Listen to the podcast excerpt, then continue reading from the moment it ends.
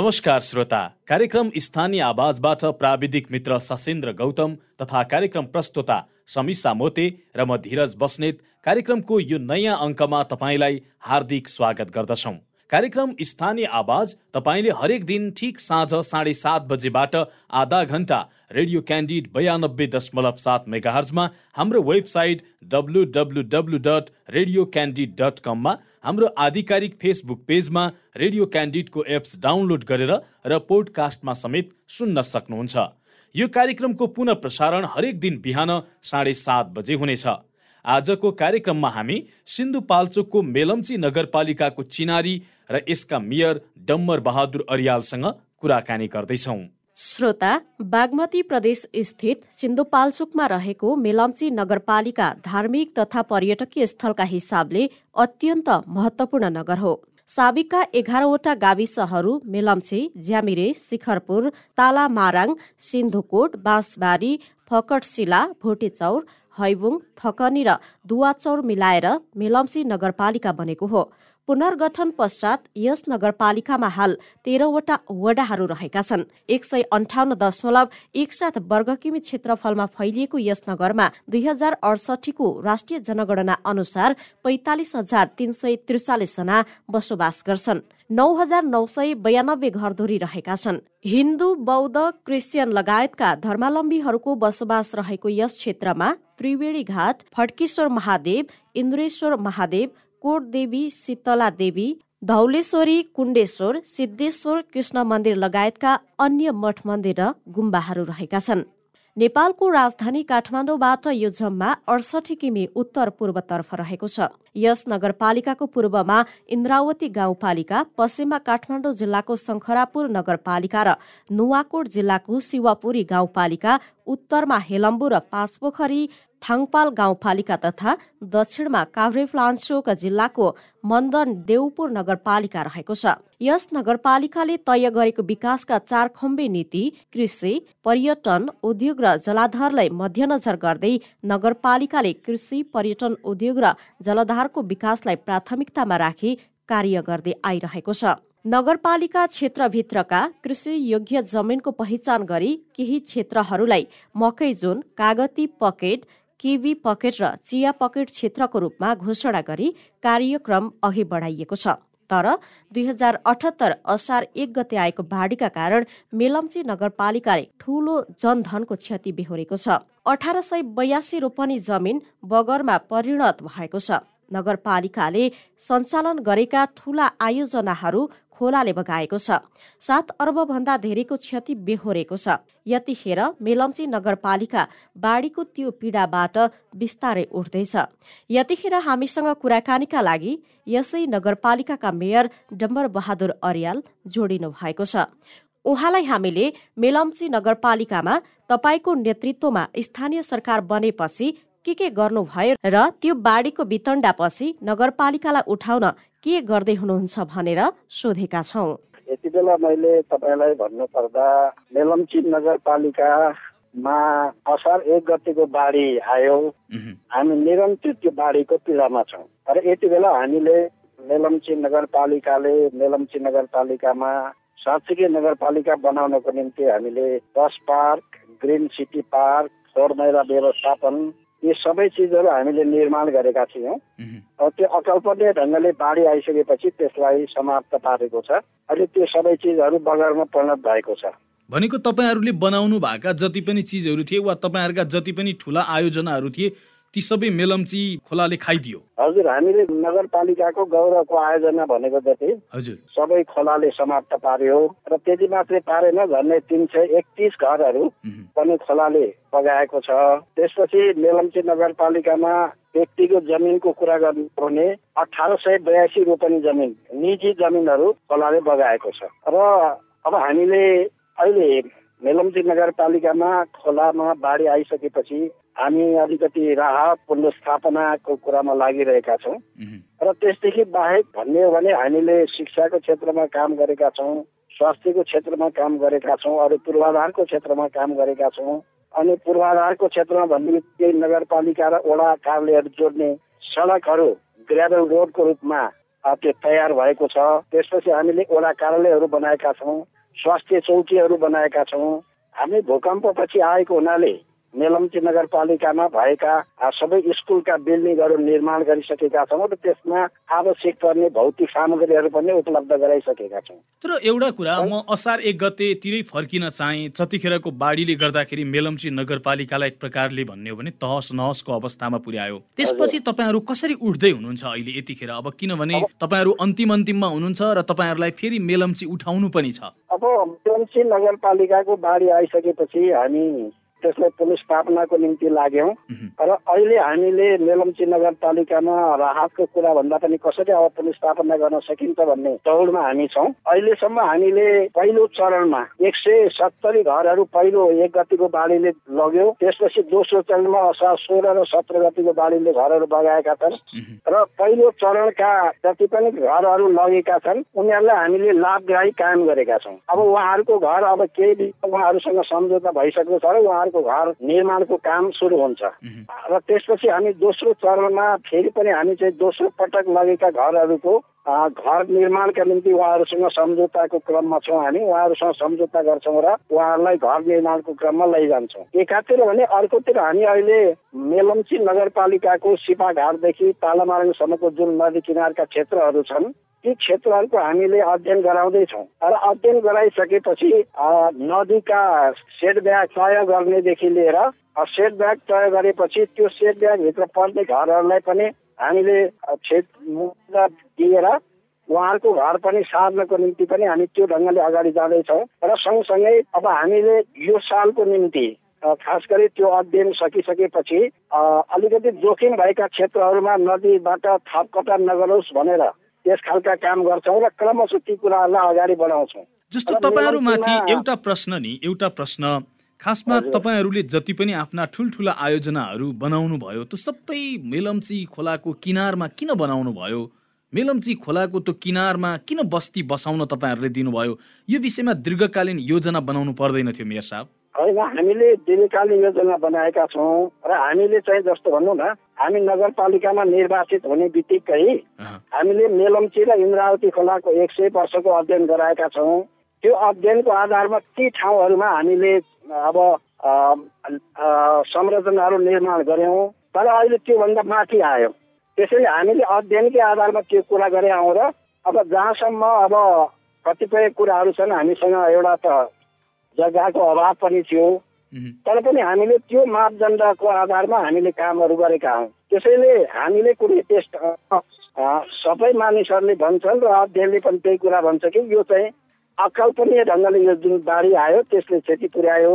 नत्र हामीले नदीको अध्ययनकै आधारमा यी सबै कामहरूलाई अगाडि बढाएका थियौँ। जस्तो मैले भन्न खोजेको खोलाकोबाट त मुस्किलले एक सय दुई सय मिटर पर थिए घरहरू। यो त सधैँभरि जोखिम रह्यो नि होइन र भने? हजुर जोखिम रह्यो। त्यसैले मैले भने नि हजुर हामी अहिले चाहिँ एउटा अध्ययन गराउँदैछौँ। अध्ययन गराइसकेपछि त्यसको चाहिँ हामी नदीको अब सेट ब्याग बनाउँछौँ। सेट ब्यागको सिफारिस हुन्छ। सिफारिस भएपछि नगरपालिकाले निर्णय गर्छौँ र त्यो आधारमा अगाडि जानको निम्ति अब जनसमुदायलाई पनि आग्रह गर्छौँ अनुरोध गर्छौँ कन्भिन्स गर्छौँ र त्यसका आधारमा हामी त्यसबाट कम्तीमा पनि यसलाई मेलम्चीमा जुन बाढी आयो त्यसबाट पाठ सिक्दै हामी अगाडि जानुपर्छ र त्यस आधारमा सबैलाई कन्भिन्स गर्दै अगाडि बढ्ने हाम्रा योजनाहरू छन् अहिले। मेलम्चीको त्यो बाढीपछि तपाईँहरूले आफ्नो नगरपालिकालाई अब चाहिँ हामीले यो यो गर्छौँ हामीसँग समय यति बाँकी छ यो अवधिमा भ्याउने काम यी हुन् भनेर के के बनाउनु भएको छ तपाईँहरूले प्लान ए प्लान बी त्यस्तो के के छन्? अब अहिलेको सन्दर्भमा हामीले एउटा चाहिँ कृषि क्षेत्रको कार्यक्रम निरन्तर अगाडि बढिरहेकै छ। हजुर। खास गरी किसानहरूलाई चाहिँ को जीवनस्तर माथि उठाउनको निम्ति हामीले विभिन्न कामहरू गरिरहेका छौँ। खास गरी तरकारीको पकेट क्षेत्र घोषणा गर्ने कुरा हामीले गरेका छौँ। त्यसपछि बाख्रा पालनका कुरा त्यसपछि गाई पालनका कुरा भैँसी पालनका कुराहरू त्यसपछि फलफुलका पकेटहरू यी कुराहरू हाम्रो निरन्तर अगाडि बढिरहेका छन्। त्यसलाई नै अलिकति प्रमोसन गर्ने योजनामा हामी छौँ। निरन्तर त्यो गरिरहेका छौँ। र अर्को कुरा भनेको हामीले मेलम्ची नगरपालिकाको तिन ठाउँमा खास गरी गुफा डाँडामा जहाँ हामीले जलवायु सम्मेलन गरेका थियौँ त्यसलाई पर्यटन क्षेत्रको घोषणा गरेका छौँ र त्यसलाई पर्यटन प्रवर्धन गर्ने हामीसँग कार्यक्रम छ। त्यो सँगै धौले डाँडा धौली डाँडा भनेको मेलम्ची नगरपालिकाको चार नम्बर पाँच नम्बर छ नम्बर एघार नम्बरको केन्द्र भागमा पर्छ। त्यसलाई पनि डिपिआर गर्दै पर्यटन क्षेत्र घोषणा गरेर त्यहाँ पनि हामीले धार्मिक पर्यटन प्रवर्धन गर्ने हिसाबले योजना बनाएका छौँ र त्यो कार्यान्वयनको चरणमा छन्। त्यसै गरी हामीले मेलम्ची नगरपालिकाको एक र दुई नम्बरमा पनि हामीले यो पर्यटन प्रवर्धन गर्ने हिसाबले हामीले त्यसको डिपिआर गरेका छौँ र त्यसको पनि हामीले त्यहाँ चाहिँ चिया बगान पनि छ। त्यो अलिक व्यवस्थित ढङ्गले पनि बढ्दैछ र त्यसलाई पनि हामी प्रवर्धन गर्दैछौँ। त्यसैले हाम्रो चाहिँ मेलम्ची नगरपालिकामा कृषिलाई पहिलो प्राथमिकता र दोस्रो प्राथमिकता हाम्रो पर्यटन प्रवर्धन गर्ने कुरामा छ। त्यस हिसाबले हामी अगाडि बढिरहेका छौँ। र सँगसँगै अब हामीलाई चुनौती के छ भन्दाखेरि मेलम्चीको बजार पुरै बाढीले ध्वस्त बनायो। त्यसको वैकल्पिक एउटा सहर निर्माणको निम्ति पनि हामी प्रयत्नशील छौँ। यसको निम्ति प्रदेश सरकार र सङ्घीय सरकारलाई पनि हामी गुहारिरहेका छौँ। उहाँहरूसँग छलफल गरिरहेका छौँ। र मेलम्चीमा मध्य पहाडी लोकमार्ग आउँदैछ। त्यो त्यो लोकमार्ग क्षेत्रमा उपयुक्त बस्ती निर्माण गरेर त्यहाँ चाहिँ अलिकति व्यवस्थापन गर्ने ढङ्गले हामीले योजना बनाइरहेका छौँ। जस्तो एक सय अन्ठाउन्न दशमलव एक सात वर्ग किमी क्षेत्रफलमा फैलिएको छ मेलम्ची नगरपालिका। र त्यो नगरपालिकामा खास गरी यो खोलाको बगरले कति क्षेत्र ओगट्यो अहिले पछिल्लो बाढीपछि र कति भूमि चाहिँ तपाईँहरूसँग सुरक्षित रह्यो? अहिले मेलम्ची नगरपालिकामा अहिले नोक्सानी भएको जमिनको हिसाबले तिन हजार बयासी रोपनी जमिन खोलाले बगाएको छ। र त्यस बाहेकका जमिनहरू अहिले सुरक्षित छ तर सुरक्षित भनेर भन्दै गर्दाखेरि पनि हामीले माथिको अध्ययन रिपोर्टको आधारमा भन्यो भने अझ मेलम्ची नगरपालिका मात्रै होइन हेलम्बुमा समेत पनि यो खोलाको हाइट बढ्ने सम्भावना कायम छ। माथि अहिले पनि डेब्रीहरू जम्मा भएर बसेको छ र त्यो तल झर्ने नै हो। त्यसैले अहिले ठ्याक्कै यति भन्ने अझै पनि मतलब हाम्रो चाहिँ विपद सकिएको छैन भनेर हामीले यति बेला अनुमान गरिरहेका यति ठुलो विपदबाट मेलम्ची नगरपालिकाका बासिन्दा बाहिर निस्किँदैछन्। त्यो विपदका बेला त्यहाँका स्थानीयले मेरो सरकार यही छ वा मेरो स्थानीय सरकार मसँगै छ भन्ने अनुभूत गर्न पाए कतिको गुनासो त मेयर साहब अलि आफ्नै धुनले आफ्नै सुरले हिँड्नु भयो भन्ने गुनासो पनि गर्दै थिए। हजुर अब यति बेला अब त्यहाँ पब्लिकको गुनासै छैन भन्ने ठाउँमा त म छैन।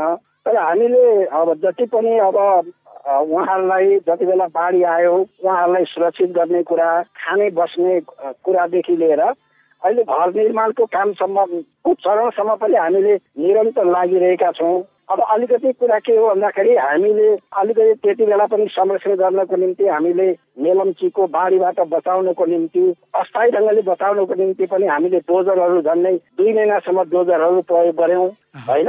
त्यसो हुँदाखेरि कहीँ चाहिँ अलिकति विवाद भएको कारणले पनि अलिअलि समस्या देखा पर्यो। त्यसैले अब गुनासै छैन भने त होइन जहिले पनि गुनासो त रहि नै रहन्छ तर हामीले त्यसलाई कम गर्नको निम्ति धेरै प्रयत्न गरिरहेका छौँ। अब अर्को कुरा नि खासमा जे नहुनु थियो भइहाल्यो जे विपत्ति तपाईँहरूले नझेल्नु पर्ने थियो त्यो झेलिहाल्नु भयो त्योबाट तपाईँहरू बाहिर निस्केर पुनः मेलम्ची बनाउन लागि पर्नु भएको छ।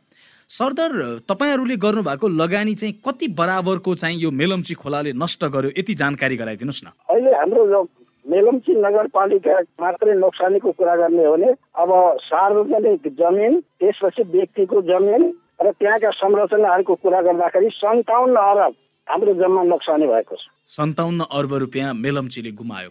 नगरपालिकाले आफूले लगानी गरेको चाहिँ कति गुमायो? नगरपालिकाको आफ्नो जुन लगानीबाट भएका विकास लगानी गरेको झन्डै एक अरब जति नोक्सानी भयो होला। एक अर्ब? हजुर। मैले अर्को कुरा अब तपाईँसँग जान्न खोजेको मेलम्चीको त्यो बाढी र त्यसपछिको प्रसङ्ग मैले यही छोडेँ। तपाईँहरूको स्थानीय तहमा आम्दानीको स्रोत चाहिँ के हुन्? कसरी तपाईँले नगरपालिका चलाइरहनु भएको छ? अब यति बेला हाम्रो आम्दानीको स्रोत भनेको चाहिँ खास गरी अब जग्गा जमिनको मालपोत हो। हजुर। त्यो अलिकति अब थोरै नियमित उठ्दैन। त्यसपछि हाम्रो नगरपालिकाको मुख्य स्रोत भनेको चाहिँ अलिकति यो जग्गा पनि हामीले भाडामा लगाएका छौँ। चालिस पैँतालिस लाख जति त्यो जग्गा भाडाबाट पनि हामी लिन्छौँ। र त्यसपछि गिटी बालुवा हो हाम्रोमा। अहिले त झन् मेलम्चीले राम्रैसँग ल्याइदिएछ क्या अरे होइन? गिटी बालुवा? गिटी बालुवा त प्रशस्त आएको छ अब त्यसलाई कसरी व्यवस्थापन गर्ने भन्ने समस्या छ अब अर्को कुरा मैले तपाईँसँग जान्न खोजेको कृषिलाई निकै प्राथमिकतामा राखिएको छ भन्नुभयो। कृषि र बजार बिचको तादम्यता मिलाउन कृषिलाई बजारसँग जोड्न चाहिँ तपाईँहरूले के गरिरहनु भएको छ? अब त्यसलाई बजारसँग जोड्नको निम्ति हामीले त्यसको एउटा अध्ययन पनि गरेका छौँ। खास गरी मेलम्ची नगरपालिकाको बजार भनेको एउटा मेलम्चीको बजार हो र त्यसपछि हाम्रो बजार भनेको काठमाडौँ हो। र हामीले त्यसलाई अब सबभन्दा पहिले त धान धान लगायतका सामग्री मतलब कृषि उत्पादनहरू त्यो चाहिँ सिधै काठमाडौँ नै आउने गर्छ। र त्यसपछि तरकारीहरू अहिले उत्पादन क्रमशः वृद्धि गएको छ। अब अहिले मेलम्चीलाई पुगेर अलिअलि निस्कन सक्ने स्थिति त्यो काठमाडौँमा नै आउने गर्छ। खास गरी हामीले अब सहकारीहरूलाई प्रवर्धन गर्दै सहकारीमा हामीले यो चाहिँ कम्तीमा पनि तरकारी सङ्कलन केन्द्र बनाएका छौँ। ती सङ्कलन केन्द्र मार्फत हामीले काठमाडौँमा पनि सहकारीहरूले आफ्ना व्यवस्थापन गरिरहेको छ र सहकारी मार्फत ती उत्पादन भएका तरकारीहरू काठमाडौँमा आउने गर्छ। अब अर्को कुरा स्थानीय तहलाई त अहिले अब विद्यालय पनि तपाईँहरूकै हातमा छ। विद्यालय सञ्चालन व्यवस्थापनको जिम्मेवारी तपाईँहरूले पाउनु भएको छ। तपाईँको स्थानीय तहमा कति विद्यालय छन् सामुदायिक र ती विद्यालयहरूको व्यवस्थापन कसरी भइराखेको छ वा केही असहजता छन् कि? अहिले हामीसँग मेलम्ची पालिकामा चौसठीवटा विद्यालयहरू छन्।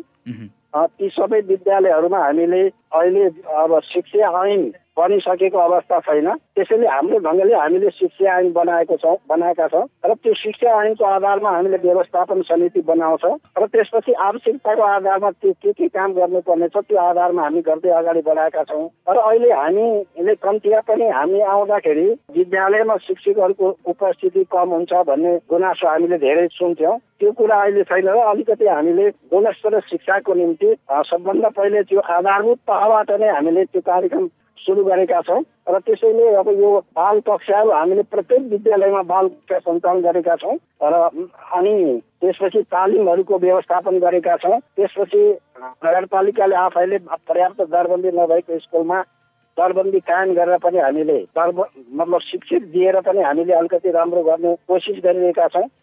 र अहिले विद्यालय भवनको हामीलाई अभाव छैन हामीलाई फर्निचरको अभाव छैन। तर अलिकति अ, शिक्षक दरबन्दीको अभाव छ र हामीले अलिकति यो शिक्षा मन्त्रालयसँग पनि कुरा गरिरहेका छौँ कि हाम्रो जिल्लामा खास गरी निम्न माध्यमिक र माध्यमिक दरबन्दी अत्यन्त कम छ। अब त्यसलाई अलिकति व्यवस्थित गर्न हामी लागिरहेका छौँ आश्वासन पाएका छौँ तर अलि अलिकति त्यसलाई दरबन्दी अलि सबैसँग पुर्याउन सकेको अहिले पनि अवस्था छैन। तपाईँले तपाईँको नगरपालिकामा खास गरी एउटा विद्यालय चाहिँ म नमुना विद्यालय बनाउँछु जुन चाहिँ देशले हेरोस्। र अन्य चाहिँ नगरपालिकाहरूले पनि हामीसँग सिकुन् भनेर कुनै त्यस्तो योजना बनाउनु भयो? बनाएको छौँ हामीले। जस्तो मेलम्ची नगरपालिकामा तेर्से माध्यमिक विद्यालय भन्ने एउटा विद्यालयलाई नमुना विद्यालयको रूपमा हामीले अगाडि बढाएका छौँ। त्यो अब सबैले एउटा नमुनाको रूपमा पनि स्वीकार गरिरहेको अवस्था छ। तर एउटा कुरा तपाईँलाई म यति बेला भन्नुपर्छ मैले कि त्यो स्कुल पनि बाढीको चपेटामा पर्यो र अहिले हामीले त्यहाँ चाहिँ नै ज्यादिनहरू सबै राखेर त्यसलाई सुरक्षित त कति होला अब खोला अहिलेको निम्ति हामीले सुरक्षित गरेका छौँ र त्यसलाई व्यवस्थित गर्नको निम्ति पनि नदीलाई व्यवस्थित गर्नको निम्ति पनि हामीले काम कार्यक्रम बनाएर स्कुलसँग सम्झौता गरिसकेका छौँ। यो अलिकति सोद्धा निर्मम होला तर तपाईँहरूलाई धेरै आफ्ना कामहरू चाहिँ ढाकछोप गर्न सजिलो चाहिँ मेलम्चीको यो बाढीले बनाइदियो है। होइन त्यो त हामीसँग तस्विरहरू नै छन्। ढाकछोप गर्नुपर्ने कुनै कारण छैन हामीसँग ती तस्विरहरू अहिले पनि यथावत छन् र ती सार्वजनिक पनि भएका छन्। होइन त्यहाँ भएको खर्च त्यहाँ भएको स्थिति सबै। कुरा देखाउनु पर्थ्यो। अब त्यो बाढीले सबै कुरा कोल्याप्स गरिदिइसकेपछि त होइन त्यो बाँकी कुरा त अरू क्षेत्रहरूमा छन् नि। त्यहाँ भएको केही चिजहरू नै लग्यो बाँकी अरू कुरा त सधैँ छ हामीसँग। अलिकति तपाईँको मेलम्ची नगरपालिकामा मैले सडकको स्थितिको विषय जान्न खोजेको।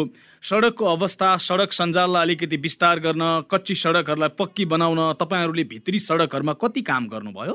मैले अघि पनि भने मेलम्ची नगरपालिका र ओडा कारले जोड्ने जति पनि सडकहरू छन् ती सडकहरू हामीले ग्राभेल रोडको रूपमा विकास गरेका छौँ। एउटा कुरा र दोस्रो कुरा भनेको चाहिँ हामीले काठमाडौँ जोड्ने दुईटा सडकमा को निम्ति हामीले कामलाई अगाडि बढायौँ त्यो कुरा गर्दाखेरि हामीले जस्तो मेलम्ची जिलो किलो सडक पिच भएको छ त्यसपछि यतातिर साँकुबाट मेलम्ची जोड्नका निम्ति पनि हामीले काम गरिरहेका छौँ। अब त्यहाँ धेरै बाँकी छैन। अब हामी यो वर्ष हामी त्यो सबै जोडिसक्छौँ। अब मैले अर्को कुरा जान्न खोजेको मेयर साहब तपाईँको नगरपालिकामा रोजगारीको स्थिति के छ? युवाहरू परदेशिनबाट रोक्नका लागि र आफ्नै गाउँमा रोजगारीको सिर्जना गराउनका लागि तपाईँले के के गर्नुभयो? त्यसको निम्ति त हामीले गर्ने कुरा भनेको अब कृषि क्षेत्रलाई नै प्रवर्धन गर्ने कुरा हो। उहाँहरूलाई कसरी त्यसलाई व्यवस्थित गर्न सकिन्छ? त्यस्तो खालको अब हामीले अलिकति त्यो त्यो ढङ्गले व्यवस्थापन गरिरहेका छौँ। र अरू भनेको चाहिँ हामीले खास गरी जति पनि विदेश गएर फर्केका मान्छेहरू पनि फेरि नजानुहोस् भनेर उहाँहरूलाई तालिमहरू सञ्चालन गरेका छौँ। उहाँलाई अलिकति व्यवसाय प्रबन्धन गर्ने हिसाबले पनि हामीले कामहरू अगाडि बढाएका छौँ। स्वास्थ्य संस्थाहरूको अवस्था चाहिँ कस्तो छ? कैयौँ ठाउँमा चाहिँ अवस्था हामी चाहिँ अहिले मेलम्ची नगरपालिकामा एउटा चाहिँ प्राथमिक स्वास्थ्य केन्द्र छ। त्यो प्राथमिक स्वास्थ्य केन्द्र प्राथमिक स्वास्थ्य केन्द्रलाई हामीले अब नगर हस्पिटलको रूपमा डेभलप गरेका छौँ। अब हामीले मेलम्ची नगरपालिकामा महिलाहरू सुत्केरी हुन पर्यो भनेदेखि बाहिर जानुपर्ने अवस्था छैन। अब हामीले त्यही अपरेसन गर्न सक्नेसम्मको स्थिति र हामीले आठ किसिमका अब रगत परीक्षण गर्न सक्ने अवस्थामा हामी पुगेका छौँ। भनेको सामान्य स्वास्थ्य समस्याकै कारणले गर्दाखेरि हस्पिटलसम्म पुग्न नपाएर अकालमा ज्यान गुमाउनु पर्ने स्थितिको अन्त्य भएको छ मेलम्चीमा। अब त्यो अन्त्य भएको छ र अर्को चाहिँ हामीले एउटा हस्पिटल पनि बिल्डिङ बनाउँदैछौँ पन्ध्र करोडमा एउटा हस्पिटल भवनको टेन्डर गरेका छौँ। त्यो निर्माणाधीन अवस्थामा छ। त्यसैले अबको दुई वर्षमा कम्ती त्यो बिल्डिङ तयार हुन्छ र बिल्डिङ तयार हुन्छ र त्यसपछि हामी चाहिँ फुल्ली हस्पिटलको रूपमा त्यो डेभलप गर्दैछौँ। अहिले चाहिँ हामीले प्राथमिक स्वास्थ्य केन्द्रमै त्यो सञ्चालन गरिरहेका छौँ। म अर्को पाटोतिर प्रवेश गरेँ। खास गरी अहिले पनि देखिन्छ भर्खरै पहिलोपटक अब यो स्थानीय तहको लामो समयपछि निर्वाचन भएर होला। स्थानीय तह र केन्द्र सरकार स्थानीय तह र प्रदेश सरकार बिचको खासै त्यति धेरै समन्वय देखिँदैन। स्थानीय सरकार आफ्नै ढङ्गले केन्द्र सरकार आफ्नै ढङ्गले हिँडिराखेको देखिन्छ। तपाईँहरूले चाहिँ अलिकति त्यो दुई बिचको समन्वयको अभाव कति महसुस गर्नुभयो? अब मेलन के अरे नगरपालिका स्थान स्थानीय सरकार प्रदेश सरकार र सङ्घीय सरकारको बिचमा त अहिले पनि साझा अधिकारका जुन जति पनि सूचीहरू छन् ती सूचीहरू अहिले पनि जस्ताको तस्तै छन्। साँच्चै भन्ने हो भने यो समन्वयको चाहिँ अभाव छ। अहिले पनि त्यो ठिक ढङ्गले अगाडि जान सकेको छैन। प्रदेश सरकारले मन्त्रालय पछि आफ्ना आफ्ना आफ्ना कार्यालय खोल्ने काम गरिरहेका छन्। त्यसले अब अहिले पनि स्थानीय तहले छुट्याउने जस्तो बजेट प्रदेश सरकारले छुट्याउने काम निरन्तर गरिरहेको छ। यसैले अलिकति यो समन्वयको अभाव छ र अधिकारका जति पनि साझा अधिकारका सूचीहरू छन् त्यसलाई पनि व्यवस्थापन गर्ने नभएको हुनाले भन्नुपर्छ कि अहिले समन्वयको चाहिँ अभाव छ। हाम्रो यो तिन तहको सरकारको बिचमा समन्वयको अभाव छ। समन्वयको अभावकै कारणले तपाईँहरूले कतिपय काममा व्यवधान झेल्नु परेको अप्ठ्यारो महसुस गर्नु परेको केही त्यस्ता कामहरू आइलागे? अब त्यो त मेलम्ची नगरपालिकामा जुन बाढी आयो बाढी आउने बित्तिकै कुरा गर्ने हो भने हामीले अब विपद व्यवस्थापन ऐन सङ्घीय ऐन त्यसपछि प्रदेश ऐनले के भन्छ भनेदेखि राहत चाहिँ नै उनीहरूले पनि दिने भन्ने व्यवस्था छ त्यो ऐनमा। तर उनीहरूको राहत असारमा बाढी आयो। भर्खरै हामीले पहल कदमी गरेर प्रदेश सरकार र सङ्घीय सरकारको तर्फबाट हिजो अस्ति मात्रै उहाँलाई राहत उपलब्ध गराएका छौँ त्यसैले हामीलाई असार साउन भदौ असोज छ महिना प्रदेश र सङ्घको चाहिँ त्यो राहतको कुरा भनेको हामीले भनेको प्रदेश र सङ्घबाट मेलम्चीमा राहत पुग्न छ महिना लाग्यो। कुरा त यसैबाट पनि झल्किन्छ नि। त्यही त प्रदेश र सङ्घबाट चाहिँ मेलम्चीमा राहत पुग्न छ महिना लाग्यो है। हजुर हो। अब म कार्यक्रमको अन्त्य अन्त्यतर्फ छु। तपाईँले मेलम्चीको बाढीका कारण मेलम्ची नगरपालिकाले ठुलो क्षति भोग्नु पर्यो। तपाईँ आफैले पनि गरेका कैयौँ कामहरू त्यो खोलाले कोल्याप्स गरिदियो। त्यसकारण अब फेरि म दोहोरिएर यसो चाहिँ गर्न पाएदेखि हुन्थ्यो भन्ने आकाङ्क्षा राख्नु भएको छ कि? होइन अब मलाई पुग्यो भन्ने सोच्नु भएको छ। होइन अब अलिकति मेरो कुरा के भन्दाले म निर्वाचन हुने नहुने त्यो बेग्लै कुरा हो। तर हामीले अहिले जति काम गरिरहेका छौँ अब आउने जोसुकै आए पनि त्यही बाटो पक्रिने गरी हामीले योजना बनाएका छौँ त्यो ढङ्गले कार्यक्रम बनाएका छौँ र हाम्रो आवधिक योजनाले पनि त्यही भन्छ। त्यसैले अहिले तत्कालको निम्ति हाम्रो प्राथमिकता भनेको नदी किनारलाई कसरी सुरक्षित गर्न सकिन्छ भन्ने नै कुरा हो। यसको अध्ययन हामी एक महिनाभित्र यसको अध्ययन सबै गरिसक्छौँ। यसको अध्ययन सकिसकेपछि त्यसले जे रिपोर्ट दिन्छ ती कुराहरूलाई क्रमशः हामी अगाडि बढाउँछौँ। र त्यसैले पछि आउनेले पनि त्यो कुरालाई निरन्तर अगाडि बढाउनु पर्ने स्थिति हुन्छ। त्यसपछि अब हामीले जुन अस्पताल बनाएका छौँ वडा कार्यालय बनाएका छौँ स्वास्थ्य चौकी बनाएका छौँ त्यसपछि जनताको स्वास्थ्यलाई सरकार राखेर हामी त्यस खालका कार्यक्रम गरेका छौँ त्यसपछि स्कुलको स्तर उन्नतिको निम्ति र गुणस्तर शिक्षा दिनको निम्ति जति पनि हामीले सडक निर्माणका कुराहरू जति पनि हामीले गरिरहेका छौँ त्यो कुराको निरन्तरता हुन्छ भन्ने म विश्वस्त छु। तपाईँ आफू चाहिँ दोहोरिनु दोहोरिन चाहनु भएको छ कि छैन? म अहिले त्यस्तो छैन। भनेको तपाईँ अब एक कार्यकाल खाइहाले भयो भन्ने खालकै मानसिकतामा हुनुहुन्छ। हजुर हो। हस् समय र संवादका लागि तपाईँलाई धेरै धेरै धन्यवाद। हुन्छ धन्यवाद। यहाँलाई पनि धेरै धेरै धन्यवाद। आजको कार्यक्रम स्थानीय आवाजमा हामीले सिन्धुपाल्चोकको मेलम्ची नगरपालिकाको चिनारीसँगै यस नगरपालिकाका मेयर डम्बर बहादुर अरियालसँग कुराकानी गर्यौं कार्यक्रम सुनेपछि तपाईँलाई कुनै सुझाव दिन मन लागेको छ अथवा कुनै स्थानीय तहका जनप्रतिनिधिसँग कुराकानी गरिदिए हुन्थ्यो भन्ने चाहनुहुन्छ भने हामीलाई हाम्रो फेसबुक पेजमा म्यासेज गर्नुहोस् अथवा कार्यक्रमको इमेल ठेगाना Radio Candid ninety two point seven at Gmail dot कममा मेल गर्नुहोस्। उपयुक्त सुझावलाई हामी पक्कै ग्रहण गर्नेछौँ। कार्यक्रम सुनिदिनुभयो तपाईँलाई धन्यवाद। हौस् त भोलि फेरि भेटौँला सशिन्द्र गौतम समीसा मोते र धीरज बस्नेत विदा भयौँ। नमस्कार।